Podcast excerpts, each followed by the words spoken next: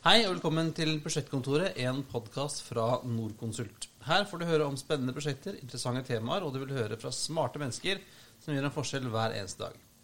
Denne gangen er det bare meg, Kristian Kamhaug, som skal guide deg gjennom denne episoden, men jeg har med meg noen veldig spennende gjester også. Sånn, Før vi begynner, så skylder jeg lytterne å opplyse at jeg ikke er ingeniør, men siviløkonom og kommunikasjonsfyr, og det må jeg bare få beklage. Det betyr at jeg kan komme til å måtte spørre noen dumme spørsmål for å forstå, og det håper jeg både gjester og lyttere har forståelse for. I prosjektkontoret ønsker vi å kikke litt nærmere på interessante prosjekter, men også på fagfelt som enten er stor interesse for, eller burde være stor interesse for. Og Denne gangen skal vi snakke om et spennende prosjekt, nemlig Hausmanns hus i Oslo. Og med, og med meg til å fortelle om dette har jeg Arne Pil Bordi og Jostein Wahl fra Norconsult. Hei, hei. Hei, hei. Og Martin Almerud fra Haton, som er de som eier Hausmannshus. Hei, Martin. Hallo, hallo. Nei. Så først og fremst, eh, Martin Almerud, velkommen til prosjektkontoret. Uh, ja, takk for det. Kan ikke du, som kjenner dette prosjektet aller best, fortelle litt om Hausmannshus og hva det er? Eh, ja, Hausmannshus er jo et bygg fra 99. Det har husa Udino i eh, 20 år snart. Ehm, det har jo for så vidt eh, ikke en helt moderne layout, så målet vårt er å gi bygget 20 nye år eh, uten større investeringer, da. Så det, er, det er et kontorbygg som skal rehabiliteres. Stemmer. Og det er vi jo veldig glad i. Det er bærekraftig og fint. Det er veldig bærekraftig, og det er jo målet vårt òg. Eh, gjenbruke mest mulig. Eh, Og Haton, dere er, hva- hvem, hvem er dere? Eh, Haton er jo Hallgrim Thon. Haton, kort og godt. Eh, så det er jo egentlig et familieselskap. Det er eh, Hallgrim Thon og hans eh, barn, Jorunn Marie og Olav Engebrett, som eier sammen. Olav Engebrett er da også daglig leder. Da. Og dere driver med kontorutleie for det meste, eller? Eller eiendomsutvikling og sånn? ja, vi, vi gjør jo det. Vi har jo noe butikk òg, men vi ønsker å fokusere på kontor i hovedsak. Langsiktig eier. Ikke selge. Eh, så derav eh, rehabilitering og ikke holdt jeg på å si salg. Og, og i dette prosjektet Hausmanns hus, hva er din rolle er i dette prosjektet? Eh, jeg er jo teknisk sjef i Haton, så min rolle oppi det hele er jo på en måte å, være med og legge føring i teknikken. Jeg har jo også gleden av å leve med bygget i etterkant. Så de valgene som blir tatt nå, de, de treffer meg etterpå. Så, så min rolle er jo rett og slett å være gårdeiers eh, representant og ivareta vår interesse best mulig. Både under bygging og, og etterpå? Ja, eh, det absolutt. Og det du kan si, er jo at vi prosjekterer jo for drift. Eh, Det er jo kanskje der jeg føler mange prosjekterer, og så involverer det drift, men vi har liksom prøvd å tenke at eh, det vi gjør nå, det gjør vi med driftsperspektivet, da. Og til å få dette å- til å bli et supert eh, kontorbygg som skal leve i 20 år til, så hadde dere hjelp av eh, Nordkonsult. Ja, stemmer. Og da bl.a. våre to gjester. Velkommen til prosjektkontoret. Eh, Jostein Wahl, kan du si litt om hvem du er, og hvilken bakgrunn du har? Ja, det kan jeg gjerne gjøre. Jeg heter Jostein Wahl. Eh, Jeg er en 86-modell, studerte energi og miljø ved NTNU i Trondheim. Jeg har jobbet litt grann hos Caveran, eh, som er entreprenør. Og så har jeg nå jobba syv år i Norconsult. Jeg er gruppeleder i avdeling sykehus og renrom. Jobber til daglig med prosjektering av VVS-anlegg innen sykehus og rene rom. Og hvorfor var du da på et eh, kontorbygg? Nei, jeg ble spurt av Arne her eh, om eh, dette kunne være et aktuelt prosjekt for oss. Eh, det var et kontorbygg som ønsket å fokusere på smittevern. Og da er det jo kanskje naturlig å Da høre våkna sykehusavdelingen, ja. Ja, da våkna vi. Så der vil vi jo gjerne bidra. Ja, og da var det til deg, da, Arne. Arne Pil Bordi, sist, men ikke minst. Du er jo for eh, lojale lyttere et, eh, en kjent eh, stemme. Velkommen tilbake til prosjektkontoret. Tusen takk for det. For du var jo her i våres og snakket om inneklima. Eh, Og det er for øvrig en veldig god episode som jeg anbefaler å lytte til hvis du ikke har hørt den allerede. Så for nye lyttere, Arne, eh, hvem er du, hva driver du med, og hva hadde du for rolle i Hausmanns hus? Ja, jeg er VVS-ingeniør eh, og har jobbet med inneklima og VVS i 17 år i Norconsult. Eh, jeg sitter som fagkoordinator for VVS-nettverket vårt i Norconsult, som teller over 200 personer. Eh, det jeg jobber med, er litt prosjektering, men det har også vært mye tilstandsanalyser, inneklimamålinger, måling av trekk, temperatur og, og den type ting innendørs. Eh, og jeg har holdt en del kurs også, bl.a. i regi av VVS-foreningen, som nå heter Nemitech. I, I, prosjektet her så hadde jeg jo rollen da som eh VVS-rådgiver i, i forprosjektet. Hvor vi så liksom på hvilke komponenter kunne vi bruke om igjen, hvordan skal vi prosjektere dette her, hvilke nye elementer skal inn i bygget. Så en, ganske normal VVS-rolle i et forprosjekt, egentlig. Ja, og det meste av forprosjekteringen var allerede ferdigstilt våren 2020, da covid-19-pandemien eh, kom inn og gjorde liksom eh, alt nytt for de fleste av oss. Eh, men da hadde jo da Haton og totalentreprenør JI Bygg de så behovet for å undersøke om det var tiltak som kunne iverksettes for å gjøre bygget sikre med tanke på smitte. Og Da kontaktet de oss for å få bistand til arbeidet. Og hva består den leveransen i? Det spør jeg dere, Arne og Øystein. Ja, vi har gjort en, eh, en, analyse av eh, hvilke tiltak som eh, Og ganske sånn bred brainstorming først. Hvilke type tiltak kan man tenke seg at har en påvirkning på, på smittespredning i et kontorbygg? både sett på kontaktsmitte og luftsmitte, og ikke bare opp mot covid-19, men andre typer smitte også, som på en måte kan være tillegg med å gjøre noen tiltak i et kontorbygg. Eh, så det er ganske bredt spekter av, ting vi har gjort på. Og så har vi eh, som da sett var realiserbart i et kontorbygg som er et rehab-prosjekt også. Ja. Jeg i hvert fall begynte jo umiddelbart å snakke om luftsmitteisolater og helt rene overflater, men det ja, vi, altså, Jeg har jo hatt barn i barnehagealder og jobbet sammen med folk med barnehagebarn. og kan vi få, Er det sånn smart å putte de som har barn i barnehage, i eget sånn egne rom, sånn lufttette rom, for der er det, det er jo smittebomber. Ja, Å ta de helt lufttette, det, det er kanskje er kanskje å ta litt vel hardt i. Sånn er det når du er økonom og ikke tenker ikke på det. Men jeg også si at Vi har jo hatt med også en kollega av Jostein, eh, Merete, som også jobber med en doktorgrad på, på dette nå, med, med luftsmitte bl.a. i sykehus. da. Mm. Og så har vi også hatt med Margit, som er yrkeshygieniker. Og det var også et aspekt som var interessant å ha med inn i den analysen vi gjorde, for å prøve å belyse dette fra flest mulig synspunkter. Så, så, hvilke tiltak ble foreslått da, utover lufttette rom? Eh, det kanskje viktigste tiltaket vi foreslo, var jo servanter. Å plassere vaskestasjoner eh, på strategiske steder.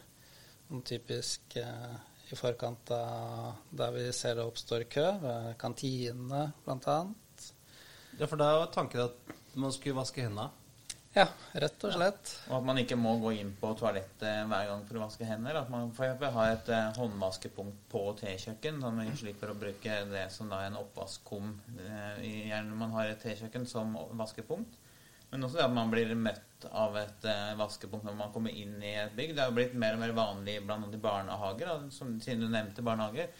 At du i grovgarderoben har en håndvask, du, når du har vært ute, så vasker du deg før du går eh, videre inn i bygget. Og det var det jo også sjefen til Martin her, eh, Olav Engebrett, som hadde med seg den ideen litt fra barnehagen hans barn har gått i. Da. Til der ble det satt inn en håndvaskepunkt i grovgarderoben, og sykefraværet ble jo, falt jo ganske vesentlig etter det, da, fordi man fikk inn en rutine. Det er lettere å vaske seg hendene litt sånn eh, Få det inn i en god struktur hvis du ser vasken der når du går forbi den, og, og, og gjøre det, istedenfor at du skal gå inn på et toalett når du ikke må på toalettet for å vaske hender. Eh, så det var liksom det å sette det stedet hvor man på en måte får et litt sosialt press kanskje også på å vaske hender, og det faller seg litt naturlig at du vasker hendene når du går forbi den. Mm. Andre ting vi så på, var jo å få ned berøringspunkter. Om det var ting vi kunne gjøre der. Da er vi jo litt sånn utafor VVS-faget for så vidt. Det er litt mer over hvordan man tenker på sykehus. Men er det dører man ikke trenger å ha dørhåndtak på? Eh, bruke albue eller sånne ting, så du ikke har et sluttstykke men, eh, og, og en låskasse, men du har bare et håndtak som du bare dytter på. Er det dører vi kunne droppe å ha? Eh, for hvis du ser på kjøpesenter og en del flyplasser og sånn, så er det jo ikke noe dør før du kommer inn på forrommet til toalettet. Der inn til selve toalettbåsen er det jo heldigvis fortsatt dører, men eh, for å komme inn på forrommet der hvor du faktisk driver med håndvask og sånne ting, da trenger du ikke ta i en dør når du er ferdig med å gjøre håndvasken på det forrommet. Det det er spilt inn som en mulig ting å ta med seg videre. Eh, er det dører som kan stå på dørmagneter, sånn at man ikke trenger å åpne det i det daglige, at det kun klapper igjen når brannalarmen går. Eh, og ellers prøve å få til berøringsfri døråpning på de dørene man må ha som skal være lukket. Da. Der er det kommet eh, teknikk som, som, gjør at man kan bare holde hånden i nærheten av døråpne-knappen, og så går døra opp.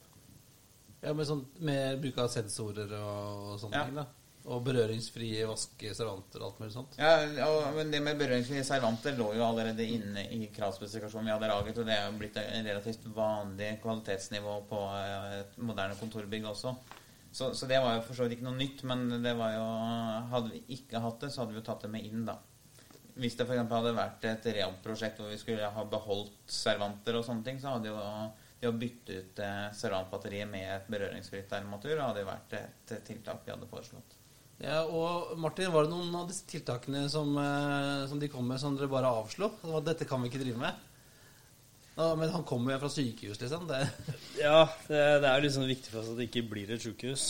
Det er jo dog et kontorbygg. Eh, men for å referere Arkitektnytt, så er det var som skrev eh, dørløse toaletter. Mm. det var en fin clickbait på den overskriften, i hvert fall. Ja, det så vi. Men jeg er litt sånn overraska selv over hvor mange av tiltakene vi har drøfta videre. Men det ene som egentlig var helt uaktuelt, var jo å reprosjektere ventilasjonsløsningen. Eh, det blir sentralt avtrekk. Vi kan ikke Men det er også litt Dette er jo et rehab, så vi har noen begrensninger i bygget. Så det er det eneste jeg som kan se vi, liksom, det ikke umulig. Ellers så har jo alt vært drøfta, vil jeg jo si. Um, dette her med ja, luft, da krysskontaminering. Eh, vi vurderte jo kryssveksler for å ha altså fysisk skille mellom eh, innluft og avtrekk. Eh, det går heller ikke, fordi bygget er det der. Vi har ikke noe mer rom å, å spille på. UV-stråling var vi innom. det er også lagt i skuffen. så vi ender jo opp Sånn som man skulle bestråle alle som kom inn, da, eller? Ja. Det hadde vært veldig fint. Eh, men eh, nei, altså, vi har jo endt opp med litt sånne overraskende fornuftige egentlig tiltak. da. Ja. Altså håndvask, se litt på uh, menneskeflyt. Det er også viktig. Hvordan beveger man seg? Uh, kan vi unngå liksom krysningspunkter i bygget, er jo også en greie. Og det, det, lå litt i bygget fra før egentlig, i hvordan det var tenkt. Det med at vi skal skille gangsone fra arbeidssone. Ja, for det er jo, det er jo ikke bare altså Det er jo sånn støyirritasjonsmoment òg, når du får så gå gjennom de åpne kontorlandskapene fordi de skal fra et sted til et annet. Ja. Men så blir det en tilleggsaspekt her at hvis vedkommende er smittet, at den ikke har gått forbi ja. 50 andre på vei til og fra toalettet. For eksempel. Men dette her lå jo Altså, dette var jo prosjektert før covid. Så det syns jeg er litt kult, at det vi på en måte har anstrengt oss for å få til et godt arbeidsmiljø, også faktisk er bra i smittevernhensyn. da. Så vi har blitt veldig gode til å unngå hverandre. ja, det er, ja, det er jo litt det her med persontetthet og opphopning har vi jo også sett litt på. Da, at man i en smittesituasjon, sånn som vi er i akkurat nå, da kan begrense antall personer som skal være på et møterom, f.eks. At det i møteromsbookingen at det står at dette møterommet er til ti personer nå, eh, i en vanlig situasjon. Og så eh, med et tastetrykk så blir kapasiteten i det rommet redusert til fire eller fem personer. Som man eh, har Og da også med hvor mange personer som kan sitte i et landskap, at det kan på en måte også Vi har jo foreslått at da kunne jo det være en app man hadde for bygget, hvor man kunne booke seg inn at jeg har tenkt å sitte på kontoret i morgen. Da booker jeg en plass i landskapet for det. Ikke nødvendigvis akkurat gitt hvilken plass, men at vi hadde en telling på hvor mange som har tenkt å være på jobb. Og så når man en limit eh, som er litt annerledes i en smittesituasjon enn til vanlig. og da kan eh, de eventuelt ta en stilling til å vurdere hjemmekontor eller sitte på noen sånne spaces eller eh, andre steder, da, som jo er mulighet for nå. Eh, vi så jo også litt på eh, det her med antall personer i en heis, f.eks. Kunne hatt infoskjermer på heisen som endrer tallet dynamisk hvor mange denne heisen kan ha. Vi har jo satt opp plakater her med maks to personer i heisen, men eh, kunne man jo kanskje ha litt mer innovativt enn å bare klistre opp lapper da, når det kommer en sånn situasjon som dette her. Jeg skal jo synes at vi jobber mye med altså, digital signage, for å bruke et ord som jeg har lært meg etter hvert. Men altså innenfor skjermer i bygget, hvordan vi kan bruke det dynamisk. Vi eh, ser også på dette med persontelling. Holde track på hvor mange som er i bygget. Det er jo også en, en faktor vi bruker i vår nye KPI, holdt jeg på å si, på energiregnskap. Men uh, får vi til noe av det vi ønsker, så vet vi jo hvor mange som er i et møterom. Så i verste fall så kan vi jo ryse en eh, rød lampe hvis det blir for mange. Altså, det, er, det er jo utrolig med muligheter her. Men låser jo, døra seg. Det kommer ikke flere inn. Men når hun eh, sier det med møterom også, så, så har vi også sett på det skulle vi, Det vi merka her eh, i bygg hos oss i Sandvika, var jo at det, det ble veldig fort kamp om de største møterommene. For der var det plass til oss å sitte med god avstand.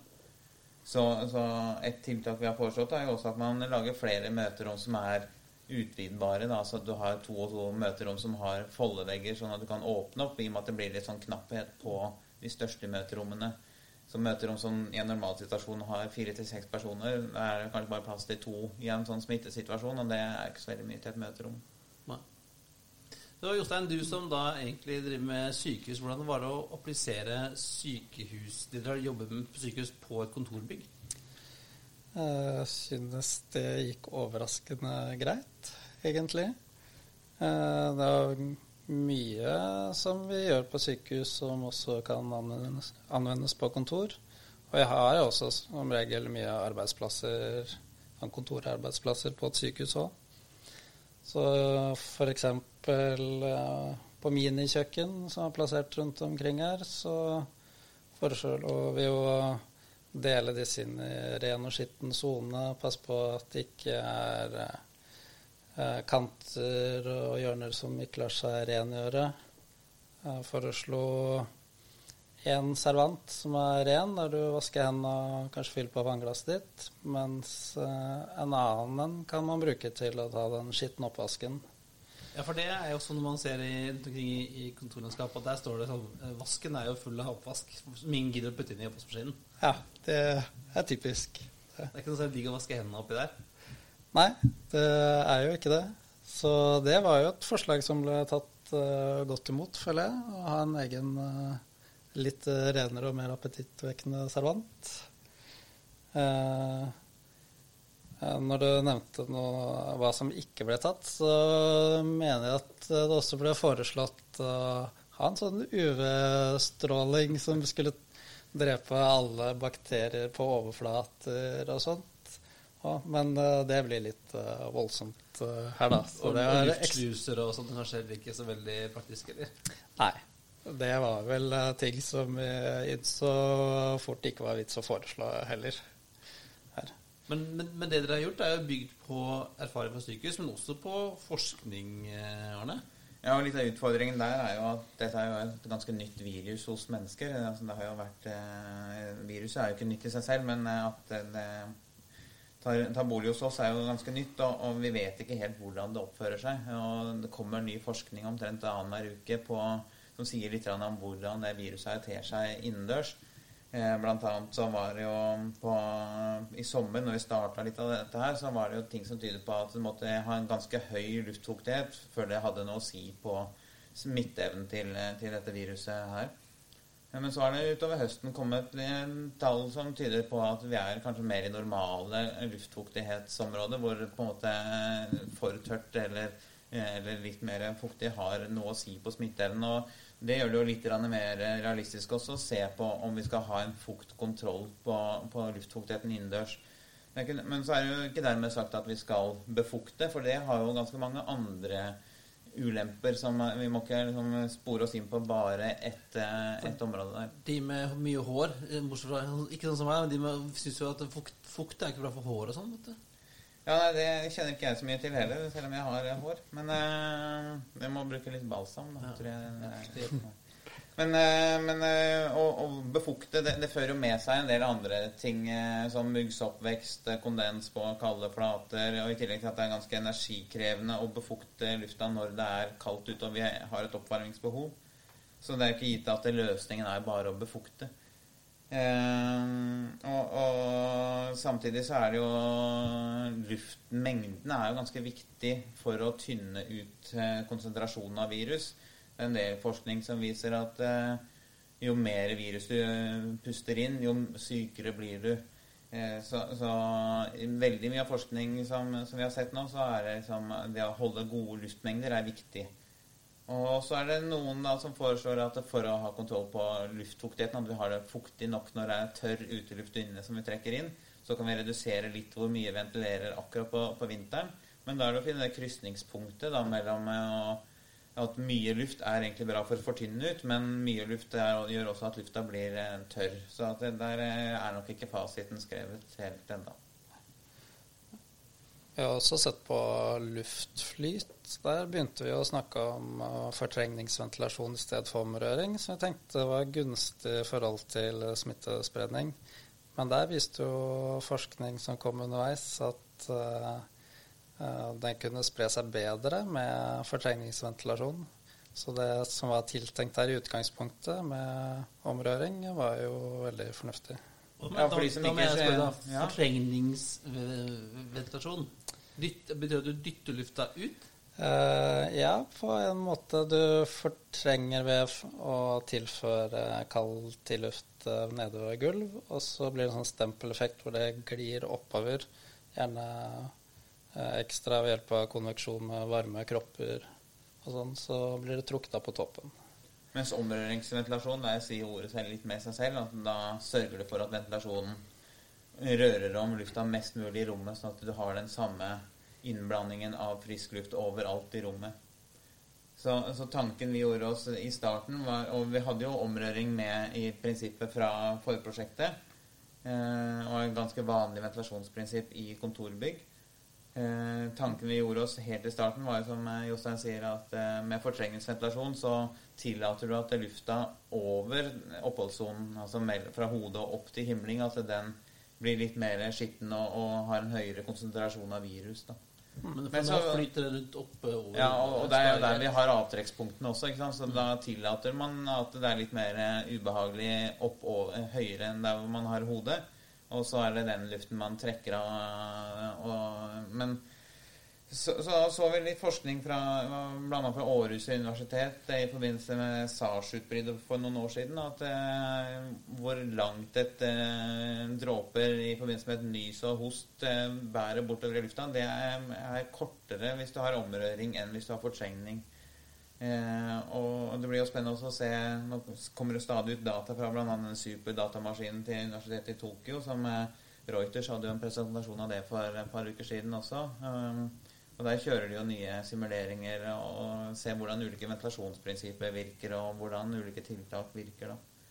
Så eh, Det er jo det som er, er litt spennende her, men også litt frustrerende. At vi er det kommer hele tiden ny forskning og, og som eh, sier litt motstrid med hverandre. Og så må vi også kunne skille ut litt god forskning fra dårlig forskning. For det er klart at det er en del som kanskje benytter momentet litt nå, litt mediafokus på dette her, til å presentere forskning som ikke nødvendigvis er fagfellevurdert. Det er litt sånn tidlig fase man slenger ut litt påstander og sånne ting. Så, så det krever litt av oss som er ingeniører til daglig også. å sortere litt hva er bra og hva er dårlig av forskning som kommer. Så er det vel en del selvgrave komponenter også som hiver seg litt på og vil selge luftrensere og luftbefuktere og, og, det ene med det andre, som ikke nødvendigvis tar hensyn til alle aspekter ved, ved det. nå. Jeg tror bare sånn Fra vår side så er det viktig å si at uh, covid er nå. Uh, vaksinen er tydeligvis snart rundt hjørnet her, håper jeg. Uh, så for vår del så er det viktig at bygget får noen forutsetninger som gjør at vi har mulighet til å monitorere og justere. Vi vet jo ikke hva som vil skje, og vi vet jo heller ikke neste virus og hvilke hva synes jeg, egenskaper det har heller. Så det med å måle fukt Altså at man legger inn flere måleparametere i bygget bare som sånn default, eh, tenker jeg det, det, gjør at da har vi i hvert fall mulighet til i hvert fall se og agere etter eh, å si, nye føringer som kommer i årene etter òg. Ja, for skulle det vise seg at det, det er et tidspunkt da, på hvor, eh, hvor eh, mer luft er skadelig enn for tørr luft, da, så kan vi jo da bare Har vi føleren på plass, så kan vi jo bare tvike litt på hvordan styringssystemet jobber, og så kan vi redusere luftmengden litt på de aller kaldeste dagene fordi vi har utstyret til det på plass. Og Martin, det har vært et eh, skal vi si, utfordrende år for dere som driver med kontorutleie. Tror du at etterspørselen etter kontorplasser kommer til å falle fremover, nå som veldig mange bedrifter ser at uh, hjemmekontorgreiene funker ganske greit? Det er ikke det kommersielle mitt største felt, men eh, jeg er ikke så sikker på at eh, markedet blir borte. Jeg ser jo uh, sånne som deg og meg, som har unger i barnehagen og sånn. Vi syns det er veldig deilig å komme på kontoret. så jeg, jeg, jeg, Og vi har jo på en måte Det er ikke så mye. Jeg ser det er noen bygg som er relativt tomme i løpet av dagen. Men det er jo fortsatt etterspørsel etter kontor, sånn jeg opplever det. da. Men jeg tror kanskje at funksjonen til kontoret kanskje endrer seg litt. da. At det skal være litt sånn som man tenker her som man en identitet, et sted å komme og ja, få lov til å være en del av en en gruppering, da, ikke bare et bøttekott hjemme. Ja, for Selv om det fun har funka godt med hjemmekontor, Arne, så er det sånn Det er jo en del ting som ikke virker så bra. Ja, det er, det er jo det. Og man har jo gjerne litt bedre utstyr og sånne ting på, på kontoret. Nå har jo vi fått lov å ta med oss det vi vil av skjermer og kontorstoler og sånne ting hjem. Men, men for, til mitt fag da, så er det jo bedre ventilasjon her enn jeg har hjemme. Så at hvis jeg jeg deler hus med en som er smitta, så er jo ikke det gitt at det er tryggere å være hjemme enn en være her, kanskje. Så. Nei.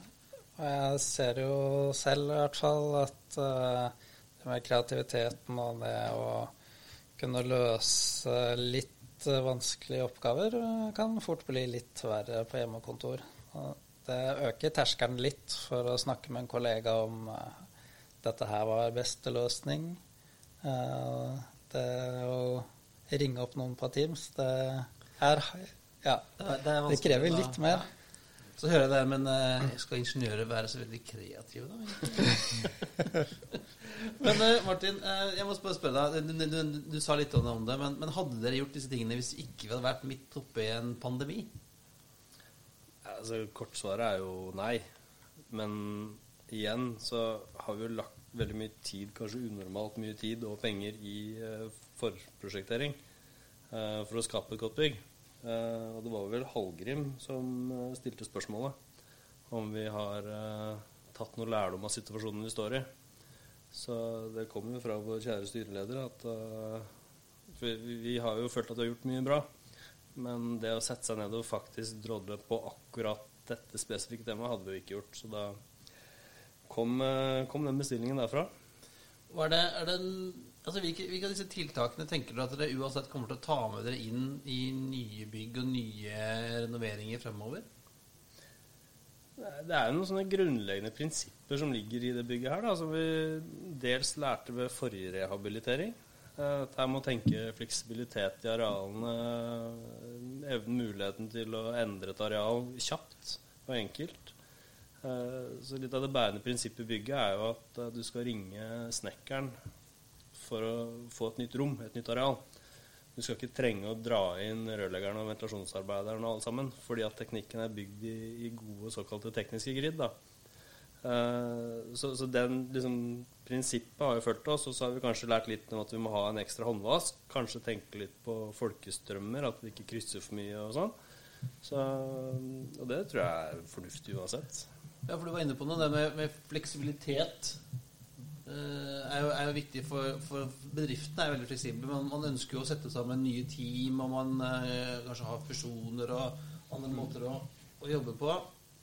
Eh, og da er det jo greit at man kan liksom, slenge opp en lett vegg uten at man må liksom, ringe noen til å legge masse ledninger og styr.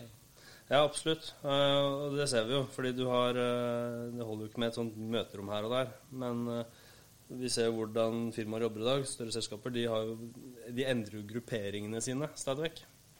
Så da trenger de kanskje et prosjektområde en, en, periode. da, og Da skal vi ha ti stykker der, og så brytes den grupperingen opp. Og så skal de ha fire der og to der. Uh, så det, ja, fleksibilitetsprinsippet er, er viktig, altså. Og fleksibiliteten er jo også at det kommer det en leietager som ønsker eh, cellekontor hele veien rundt, så kan vi bygge det òg. Vi kan det. Og igjen, det kan vi gjøre uten å ha andre fagfolk enn en snekker. Så, og litt eh, programmering i bakkant. Så nå, vi kan jo nå, nå har vi jo fått uh, gode nyheter på uh, nesten hver, hver uke nå med nye vaksiner. og Vi får håpe at, uh, at covid-19 er et vondt minne når Hausmanns hus åpner i 2022. Eh, men folk blir jo, som vi var inne på, syke av andre ting også. Det er jo, det er influensa, og det er snørr, og det er alt mulig rart. Og jeg vil jo si at, at hver vinter så er jo et kontorbygg et, eh, et virus- og basilluskreir. Så kontorbygg der smittevern er lagt inn som default, burde være populære for alle arbeidsgivere, egentlig, Martin. Ja, jeg Altså, med tanke på sykefravær og alt sånt. Ja, det skulle jeg mene. Uh, vi holdt på å si I den grad vi er på sosiale medier, så har vi jo fått ganske bra oppmerksomhet på dette her. Uh, vi er jo fanget opp på NTNU senest nå. Eh, så det virker som det er mange som eh, skjønner dette her da, og responderer på det. Eh, vi har jo dog fortsatt ikke signa den store letejakten på bygget, men Det, det, er- det er ukens oppfordring. Altså, ta, ta en telefon hvis du er ute etter et eh, supert kontorbygg midt i Oslo sentrum. Helt unikt bygg. Det blir jo fantastisk. Eh, Men jeg, men jeg, jeg ser og opplever og hører jo at eh, bransjen også registrerer dette her. Det, er, det får oppmerksomhet. Veldig. Eh, er det fristende å legge inn i, i leiekontrakten en sånn eh, bonus på lavt sykefravær, eller? At det blir litt dyrere for deg hvis, hvis du har dårlig, lavt sykefravær i, i bedriften? Ja, Det kunne vært fint, det. Men jeg tenker ja, jo, det er sant, det. Eh, på en måte så er det jo at jo, med, jo flere folk du holder i bygget, selv i en vanskelig situasjon, jo rimeligere blir leia per person.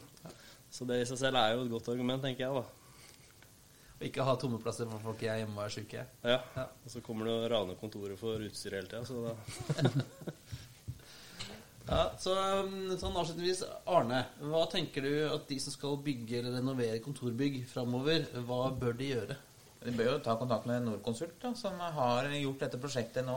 Vi sitter med kompetanse fra f.eks. sykehus, vi har yrkeshygienikere, vi har andre fagfelt vi kan trekke inn etter behov, som eh, kan hjelpe til med å få et eh, bygg som blir så smittesikkert som, eh, som det er mulig å, å lage et kontorbygg, da, uten at det blir et eh, sykehus med kontorplasser istedenfor sykesenger. Så med den eh, klare oppfordringen så sier vi takk for at dere kom, gutter. Takk for nå. Takk for Takk meg. for meg. Eh, Det var alt for denne gang. Hvis du vil vite mer om Norconsult, hva vi driver med, og hvilke spennende prosjekter vi jobber med, så sjekker du ut norconsult.no. I dag hørte du altså Martin Olmerud fra Haton, Arne Pilbordi fra Norconsult og Jostein Wahl fra Norconsult, og meg, Christian Kamhaug. Musikken er som alltid ved Thomas Wøni. Han er akustiker i Norconsult. Om du har spørsmål eller kommentarer til podden eller innspill til fremtidige temaer, sender du oss ganske enkelt en e-post til norconsult.com, og det er podkast med C. Ikke glem å abonnere på Prosjektkontoret i iTunes eller din foretrukne podkastspiller, så får du alltid den nyeste episoden rett i spilleren din. Og om du liker det du hører, eh, så er det veldig hyggelig om du gir oss noen stjerner, en liten anbefaling i iTunes. Da blir vi ekstra glad. Tusen takk for denne gang. Vi høres plutselig igjen, og ikke glem vask de henda.